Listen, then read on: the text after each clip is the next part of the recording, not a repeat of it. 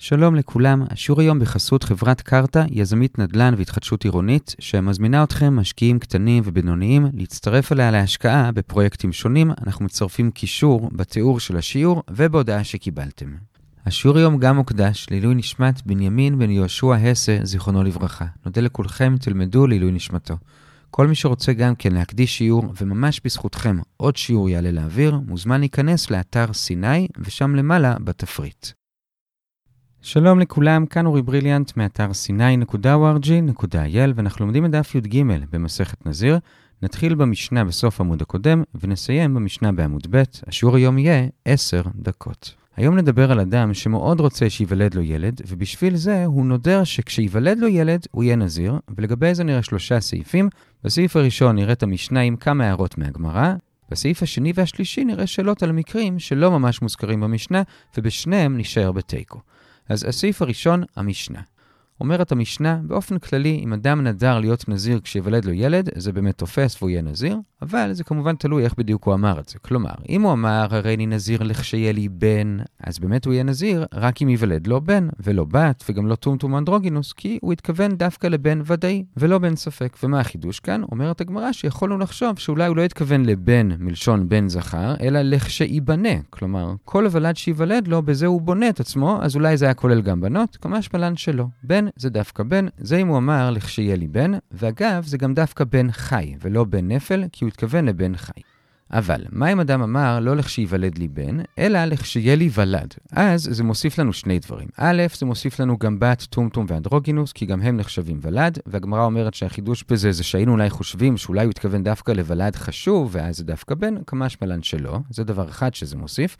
דבר שני שאולי זה מוסיף לנו, זה אם אשתו הפילה ולד. עכשיו, לגבי מקרה כזה, אם מדובר בנפל, כלומר, תינוק כזה שלא כלו לו חודשיו, הוא נולד מוקדם מדי, ולכן בעצם מראש לא היה לו שום סיכוי לחיות, זה ודאי לא נחשב ולד, זה ברור. מצד שני, אם מדובר בתינוק שכן כלו לו חודשיו, הוא נולד בזמן, והוא נפטר מאיזושהי סיבה אחרת, זה ודאי כן נחשב ולד, והוא יהיה נזיר. הבעיה היא שבדרך כלל אין לנו איך לדעת את זה. אנחנו לא יודעים מתי בדיוק התינוק אמור להיוולד, ואנחנו לא יודעים האם זה מוקדם מדי או לא. אז בעצם במקרה כזה, שהוא אמר לך שיהיה לי ולד, ונולד נפל, יש לנו כאן ספק האם הוא נזיר או לא. אז מה עושים? אז יש בזה מחלוקת שאומרת הגמרא שכבר פגשנו את אותה מחלוקת בדף ח עמוד א', האם יש נזירות במצב של ספק. תנא קמא, שזה בעצם רבי יהודה, אומר שלא, כי הנודר, כשהוא נדר, לא התכוון בנדר שלו להכניס את עצמו למצב של ספק, ולכן הוא לא נזיר בכלל. רבי שמעון לעומת זאת אומר שהוא כן נזיר מספק. עכשיו, עקרונית, כשאדם הוא נזיר מספק, אז הוא בעצם מכניס את עצמו לבעיה, כי הוא מתחיל את הנזירות, אבל אין לו איך לסיים אותה, כי בשביל לסיים אותה הוא צריך לגלח את כל ראשו ולהביא קורבנות, ואם הוא לא נזיר, הוא לא יכול לעשות את זה. אסור לגלח את כל ראשו, וגם אסור להביא קורבנות נזיר אם הוא לא חייב בהם. אז מה הוא יעשה? הוא יהיה נזיר כל החיים? אומר רבי שמעון, לא, יש פתרון. הוא יקבל על עצמו עוד נזירות, אבל רק בתנאי. כלומר, הוא יאמר, אם באמת התינוק היה נפל, ולא הייתי אמור להיות נזיר, אז עכשיו אני מקבל נזירות חדשה שלא קשורה לתינוק. מצד שני, אם באמת התינוק כן היה תינוק בן קיימא, ואני כן אמור להיות נזיר בגללו, אז אני נזיר רק בגלל התינוק, ואני לא מקבל על עצמי נזירות חדשה. וכך בעצם הוא עושה נזירות אחת, שהיא או בגלל התינוק, או פשוט נזירות חדשה, הוא מביא על הקורבנות, והוא יכול ככה לסיים את הנזירות. זו מחלוקת תנא קמא ורבי שמעון. עוד פעם, לפי תנא קמא במצב של ספק, הוא פשוט לא נזיר בכלל, הוא לא התכוון למצב כזה. לפי רבי שמעון הוא נזיר, ובשביל לפתור את זה, הוא יעשה עוד נזירות על תנאי. ועכשיו נסבך את זה עוד קצת, ובזה נסיים את המשנה. מה יקרה אם אחרי זה אשתו תהרה עוד פעם ותלד עוד ילד? אז לפי תנא קמא שבתינוק הקודם הוא לא היה נזיר, אז בעצם התנאי עוד לא התקיים, אז עכשיו כשיוולד עוד תינוק, התנאי התקיים, ועכשיו הוא יהיה נזיר. לעומת זאת, לפי רבי שמעון, שאנחנו לא יודעים האם התנאי הקודם התקיים או לא, אז הוא צריך עכשיו לקבל על עצמו עוד פעם נזירות ועוד פעם עם תנאי. כלומר, הוא יאמר, אם בפעם הקודמת באמת זה היה נזירות בגלל התינוק, אז הנזירות שעכשיו אני מקבל היא סתם נזירות חדשה בהתנדבות. אבל אם הנזירות הקודמת היא לא הייתה בגלל התינוק, כי התינוק היה נפל, אז עכשיו אני עושה את הנזירות בגלל התינוק. ועד כאן כל המשנה. עוד פעם לסיכום, אם הוא אמר לך שיהיה לי בן, אז מאוד פשוט, הוא נזיר רק אם נולד בן, ודווקא בן חי, וזהו. אבל אם הוא אמר לך שיהיה לי ולד, אז זה כולל גם בת טומטום ואנדרוגינוס, וגם לפי רבי שמעון, זה כולל מצב של נפל, שאז מספק הוא צריך להיות נזיר, ובשביל לפתור את זה הוא עושה עוד נזירות על תנאי, לעומת זאת לפי תנא קמא, שזה רבי יהודה, הוא לא צריך להיות נזיר מספק, כי הוא לא התכוון למצב כזה, ואחרי זה אם נולד עוד ילד, אז לפי רבי יהודה הוא כן יהיה נזיר, כי עכשיו התמלא התנאי, לפי רבי שמעון, עוד פעם זה ספק, והוא עוד פעם יעשה נזירות על תנאי, ועד כאן הסעיף הראשון, המשנה, עם קצת הסברים מהגמרא, והגענו לאמצע עמוד א'. החלק השני של השיעור זה שאלה על המקרה האחרון של המשנה. המקרה האחרון היה שבהתחלה נולדנו נפל, שאמרנו שלפי רבי יהודה הוא לא נזיר, לפי רבי שמעון נזיר מספק, ויעשה תנאי וכולי, ואחר כך נולד לו עוד ילד, שאז אמרנו שלפי רבי יהודה עכשיו הוא ודאי נזיר, כי התנאי יתקיים עכשיו, לפי רבי שמעון, כיוון שהראשון היה ספק, אז גם עכשיו הוא צריך לעשות עוד תנאי, כי גם עכשיו זה ספק. זה מה שראינו במשנה.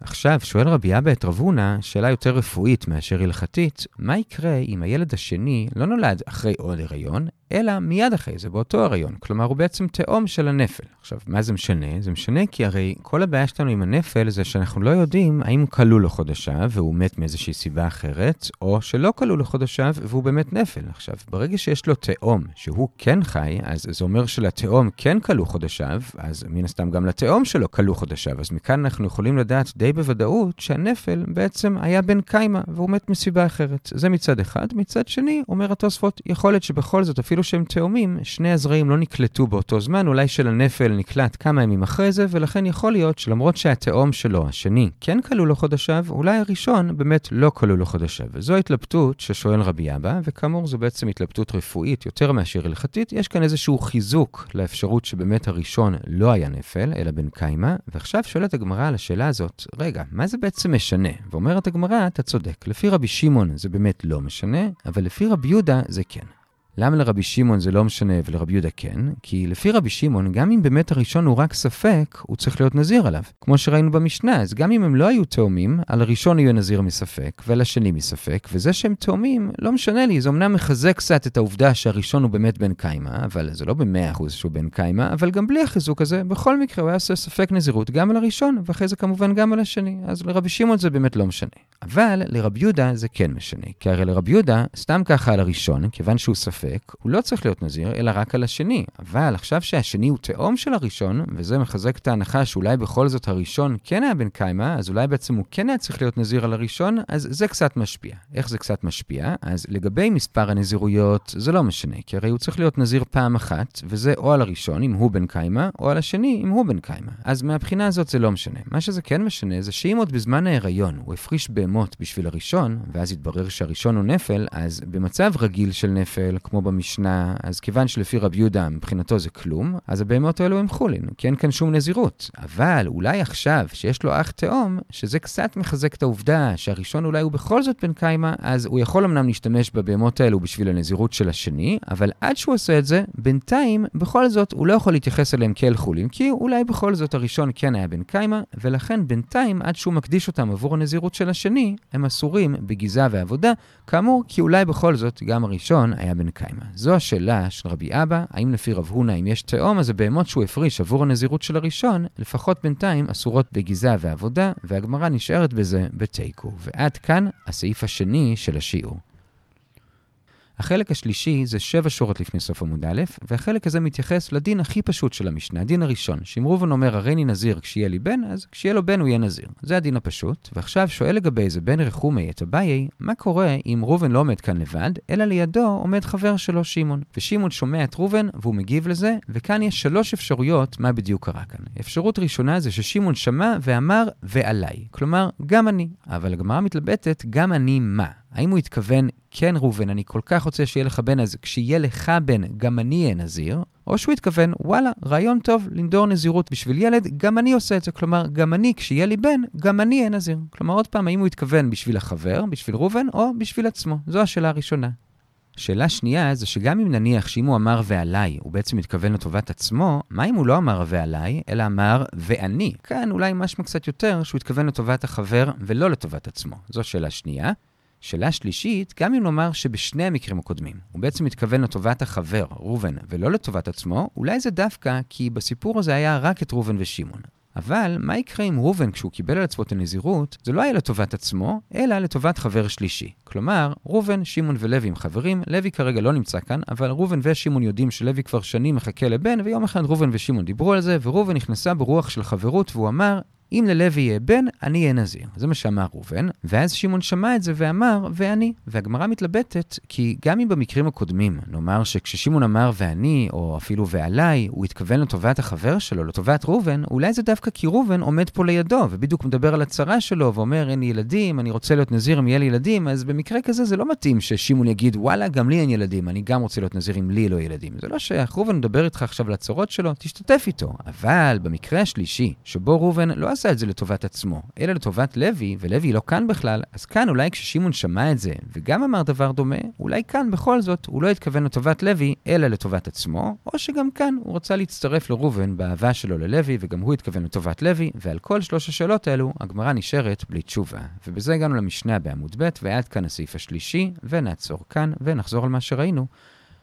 חילקנו את השיעור לשלושה סעיפים. בסעיף הראשון אמרנו שאם אדם אמר הריני נזיר על מנת שיהיה לי בן, אז אם ייוולד לו בן הוא יהיה נזיר, ולא בת ולא טומטום ואנדרוגינוס, אבל אם הוא אמר הריני נזיר אם יהיה לי ולד, אז זה כולל גם בן ובת וגם טומטום ואנדרוגינוס, ואם נולד נפל, אז לפי רבי יהודה כיוון שזה ספק אז הוא לא נזיר, לפי רבי שמעון מספק הוא נזיר, ובשביל לפתור את הפלונטר בלהיות נזיר בספק, שאז אי אפשר לצאת מזה בעצם, אז הוא יקבל על עצמו עוד נזירות, אבל על תנאי. כלומר, הוא יאמר, אם אני אמור להיות נזיר בגלל הוולד, אז עכשיו אני בעצם לא מקבל נזירות, ואם אני לא אמור להיות נזיר, אז עכשיו אני מקבל נזירות, והוא יעשה נזירות אחת, ויביא את הקורבנות ונגמר. ואם אחרי זה נולד עוד ילד, לא נפל, ילד שחי, אז לפי רבי יהודה, כיוון שעל הנפל הוא לא היה נזיר, אז עכשיו על הילד החי הוא יהיה נזיר. לפי רבי שמעון, כיוון שהראשון היה ספק, גם השני ספק, והוא צריך לעשות עוד פעם את אותו תנאי גם על השני. זה מה שראינו במשנה, עם צירוף כמה הערות בגמרא לגבי החידוש בחלקים הראשונים של המשנה, והדגשה שזה בעצם מחלוקת שכבר ראינו בחטא עמוד א', בין רבי שמעון לרבי יהודה, מה עושים בספק נזיר, שלפי רבי יהודה הוא לא נזיר, כי הוא לא התכוון להיכנס למצב של ספק, לפי רבי שמעון הוא כן, זה היה הסעיף הראשון. בסעיף השני שאל רבי אבא את רבונה, מה יקרה אם הילד השני לא נולד בהיריון נוסף, אלא באותו הריון, כלומר הוא תאום, ואם הוא בן קיימא, אז סיכוי טוב שגם הראשון היה בן קיימא. אז לפי רבי שמעון זה לא משנה, כי ממילא לראשון הוא צריך לעשות ספק נזירות וגם על השני, אבל לפי רבי יהודה אמנם הוא עדיין יעשה רק נזירות אחת, אבל אם הוא כבר הפריש קורבנות בשביל הראשון, אז כיוון שיש כאן איזשהו חיזוק שאולי בכל זאת הראשון כן היה באמת, אז לכן גם לפני שהוא מביא את אותם קורבנות בשביל הנזירות של הילד השני, בכל זאת בינתיים הם אסורים בגזעה ועבודה, ועד כאן כאן הסעיף השני. בסעיף השלישי ראינו שלושה מקרים שבו ראובן אומר שאם ייוולד בן אז הוא יהיה נזיר, ושמעון שמע את זה ואמר ועליי או ואני, והתלבטנו האם הוא מתכוון להיות נזיר אם לא עצמו ייוולד בן, או שגם הוא מצטרף לטובת ראובן החבר שלו. ואמרנו שגם אם הוא כן מצטרף לטובת ראובן, אולי זה דווקא כי כאן ראובן עומד לידו ולא נעים לו פתאום לדבר על עצמו, אלא הוא מצטרף לטובת ראובן. אבל אם ראובן לא נזר לטובת עצמו, אלא לטובת חבר שלישי, לוי, שגם הוא צריך ילד, אז אולי כאן, כששמעון אמר ואני, אולי כאן הוא בכל זאת כן חשב על עצמו, ועל כל זה נשארנו בתיקו. כל טוב.